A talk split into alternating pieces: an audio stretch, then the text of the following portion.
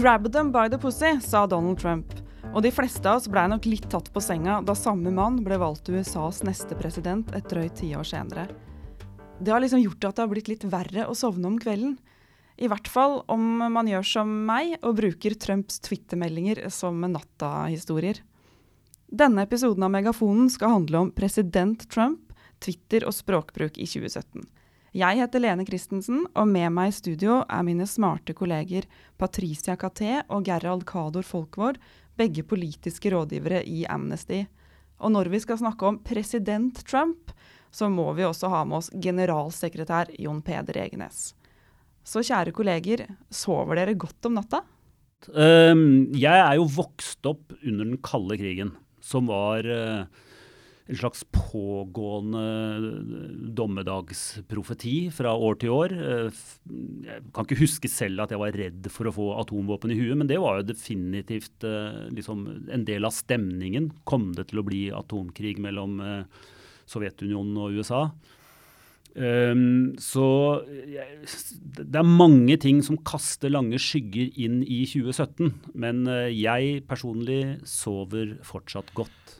Nå har jo vi uh, som jobber i Amnesty privilegiet med at vi nesten hver eneste dag opplever hvor mye man faktisk kan få til i denne verden. At ting blir bedre fordi folk engasjerer seg og er litt sånn midt inne i denne energien som gjør verden bedre, egentlig hver eneste dag. Så ja, jeg, jeg sover godt. Men det betyr ikke at jeg ikke våkner om morgenen og tenker oi, i dag må jeg virkelig skjerpe meg, fordi ellers går det i helt feil retning. I fjor så vi jo at Trump med sin ja, la oss kalle det spesielle eller litt annerledes eh, form for retorikk, faktisk klarte å sanke sammen hele 60 millioner eh, stemmer. Altså, altså noe må han jo ha gjort riktig, eller hva tenker dere? Jeg må si at noe av det jeg reagerer mest på Dette er litt gammeldags, altså, skal jeg si. Men uh, med Trump det er sånn at han er så innmari uhøflig. Altså det, er slags, det, er en, det er en måte å være på som hvis, hvis, hvis, jeg hadde vært sånn hjemme i familien, så hadde jeg på en måte blitt bedt om å gå og tenke meg om.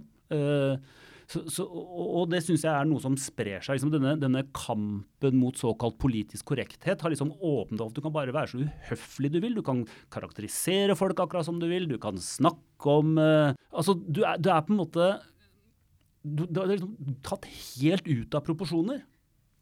Og jeg, så For meg er det litt sånn Kan vi ikke være så snill å bare bli litt høflige? Det trenger ikke være høflig i betydningen servile. Vi kan være dundrende uenige. Liksom. Jeg kan ikke bare bli enige om liksom, å snakke innafor et, et sånn akseptabelt spekter. Fordi at det er jo ikke sånn. altså Jeg, jeg har spilt fotball hele mitt liv, og jeg, jeg har aldri hørt altså Det han kaller garderobesnakk, har ikke jeg vært uh, del av eller tilskuer til i en garderobe. Um, sånn at for meg er det litt sånn Nå må vi på en måte stoppe opp litt, og så må vi tenke liksom vi, vi, må oppføre oss ordentlig. Det er så enkelt som det. Og du kan godt mene mye av det Trump mener, uten å si det på den måten han sier det på. Du kan, du kan absolutt godt mene det uh, Sylvi Listhaug mener om norsk flyktningpolitikk, uten å snakke om gullstoler og gullkort og, og, og på en måte karakterisere mennesker på en, på en totalt disrespektfull måte. Så egentlig så er det jo ikke så vanskelig. Det er jo rett og slett bare å forholde oss til god, gammeldags uh, folkeskikk. Gerald? Ja, det, det, det Jon Peder sier er veldig viktig. Uh, og Hvis vi snakker om de 60 millioner som stemte for Trump, så er det veldig farlig hvis vi uh, lener oss tilbake og sier så dumme de er. De har ikke skjønt hva som er riktig og viktig. Um, det er som, sånn den effekten med at Donald Trump fremstår som fryktelig kul uh, en winner. Man kan jo mene hva man vil, men akkurat nå er han seieren. Han som uh, har vist hvordan man kan vinne. Uh, det, er, det, er, farlig at man definerer her en standard for hva, hva det er lov å mene i en offentlig debatt. Uh, hvordan det er lov å omtale sine motstandere osv. Um, også på en måte hvor man en dag skjeller noen ut på det verste, og neste dag sier jo, men jeg vil gjerne samarbeide med deg. For det har jeg også sett fra Trump. ikke sant? Flere av de han har utskjelt verst i sin valgkamp, har han nå hentet inn i sin administrasjon, faktisk. Og, og, den, og, den, blir skummel, og da er det, da er det viktig for, for, for, ikke minst for Amnesty også å være veldig bevisst at, at, vårt arbeid må i stadig større grad dreie seg om holdninger og dreie seg om respekt. Og vise at uh, dette er ikke den måten å behandle hverandre på som, som gjør vårt samfunn bedre, og så, så, så bringer vårt samfunn videre. Men uh, hva med deg, Patricia? Hva tenker du om denne måten å snakke om hverandre på? Og hvem er det egentlig det får konsekvenser for?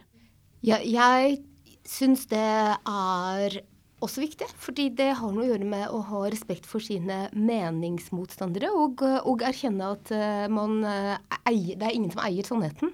Man lærer jo noe av hverandre. Man lærer jo noe gjennom diskusjoner. Man lærer jo noe eh, ved å snakke med de menneskene som man er uenig med. Det som da er en utvikling i samfunnet som også bekymrer meg, er at vi får flere og flere såkalte ekkokammer, der vi bare snakker med de som er enig med oss.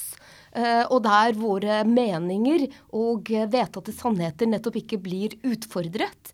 Uh, det andre er at, uh, at når du da går ut av ditt ekkokammer, så opplever veldig mange at det er ganske harde diskusjoner, og da er det jo også eh, ikke bra at den kommende amerikanske presidenten går i front eh, med å legitimere at man kan omtale sine meningsmotstandere som idioter og andre. Og det gjør det særlig vanskelig for kvinner og for eh, andre utsatte minoriteter å delta i den offentlige diskusjonen. For det er jo dem slike forutinntatte karakteristikker først og fremst vil ramme. Så du får ekkokamre, og i den offentlige diskus diskusjonen så uh, vil du ha en diskusjon uh, som ikke gjenspeiler mangfoldet i samfunnet, fordi de minoritetene i samfunnet, kvinnene i samfunnet, kommer til å ha mye større barrierer mot å delta i den offentlige samtalen, fordi den ikke lenger er tuftet på respekt for meningsmotstandere. Eh, men Gerald, du har jo sagt at du syns vi gir denne, og da bruker jeg galskapsdelen i hermetegn, av Trump altfor mye oppmerksomhet? Ja, jeg mener det, av, av flere grunner. For det første, jeg vet at hvis Donald Trump skriver en tweet han, så skriver han ikke for meg.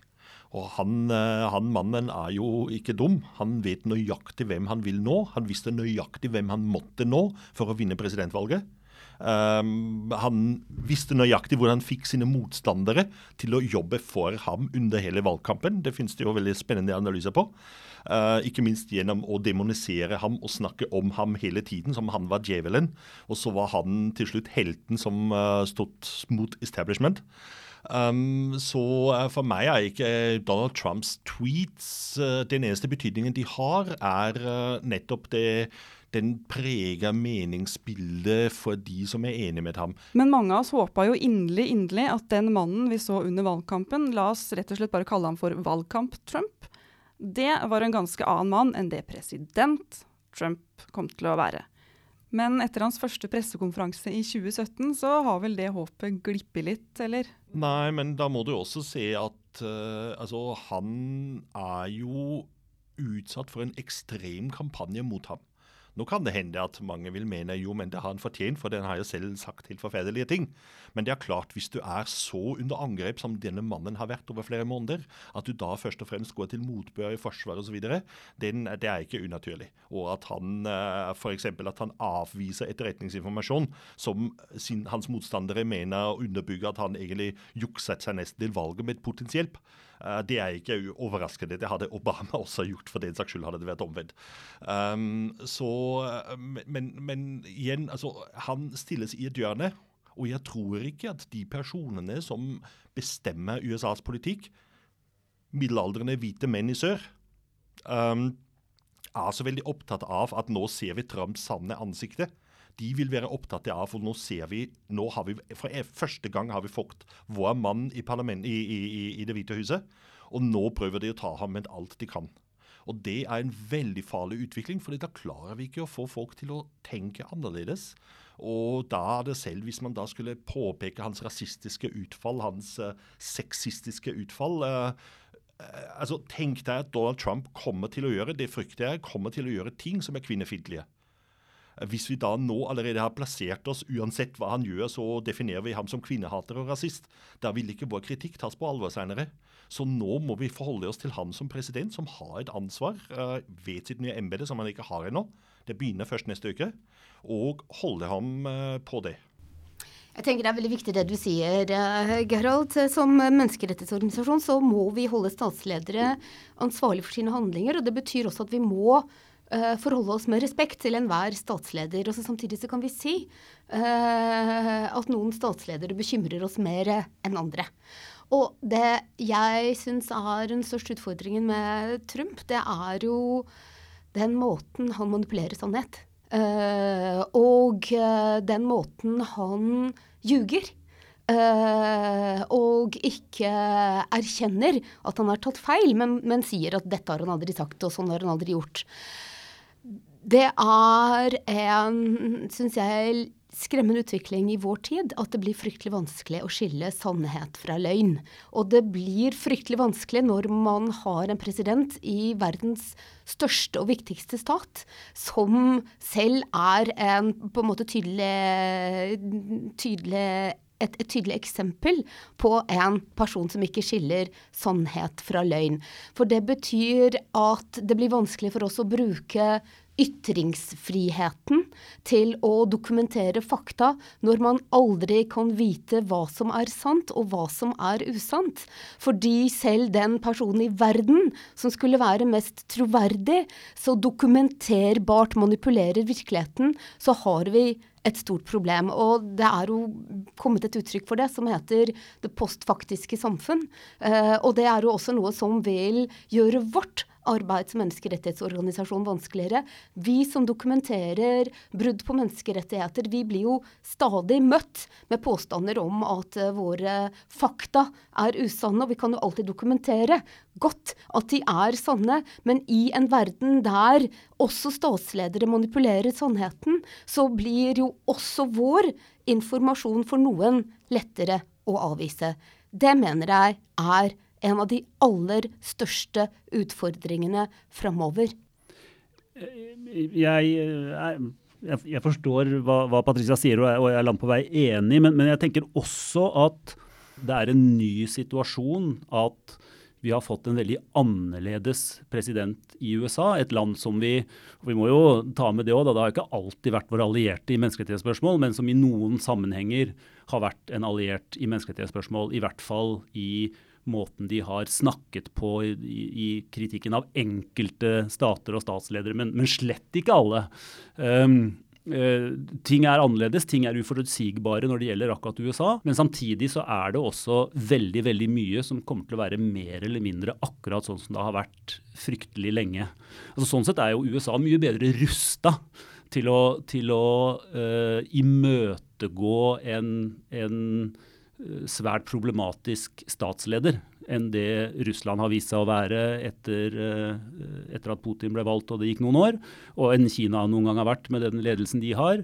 Eh, enn Tyrkia er. ikke sant? Man har en leder som har, som har, gått fra å være en mann som mange så til som en som kunne, kunne lede en svær muslimsk stat i en mye mer liberal og menneskerettslig og demokratisk retning, til å bli en ekstra, mer og mer og mer autoritær og, og problematisk leder i et kjempe kjempeland som både er strategisk viktig, og som selvfølgelig har er det 70 millioner innbyggere som fortjener noe bedre. Um, så vi må, vi må, ikke fortape oss helt til at alt er annerledes. Og alt er så ille nå som vi aldri har sett før. For, for sånn er det faktisk ikke. Åh, Det var skikkelig godt at du sa akkurat det. Selv om fire år er jo veldig lang tid. Eh, så Gerald, en viktig oppgave til deg på slutten. Hva er det megafonens lyttere bør gjøre eller tenke for å få sove godt om nettene framover?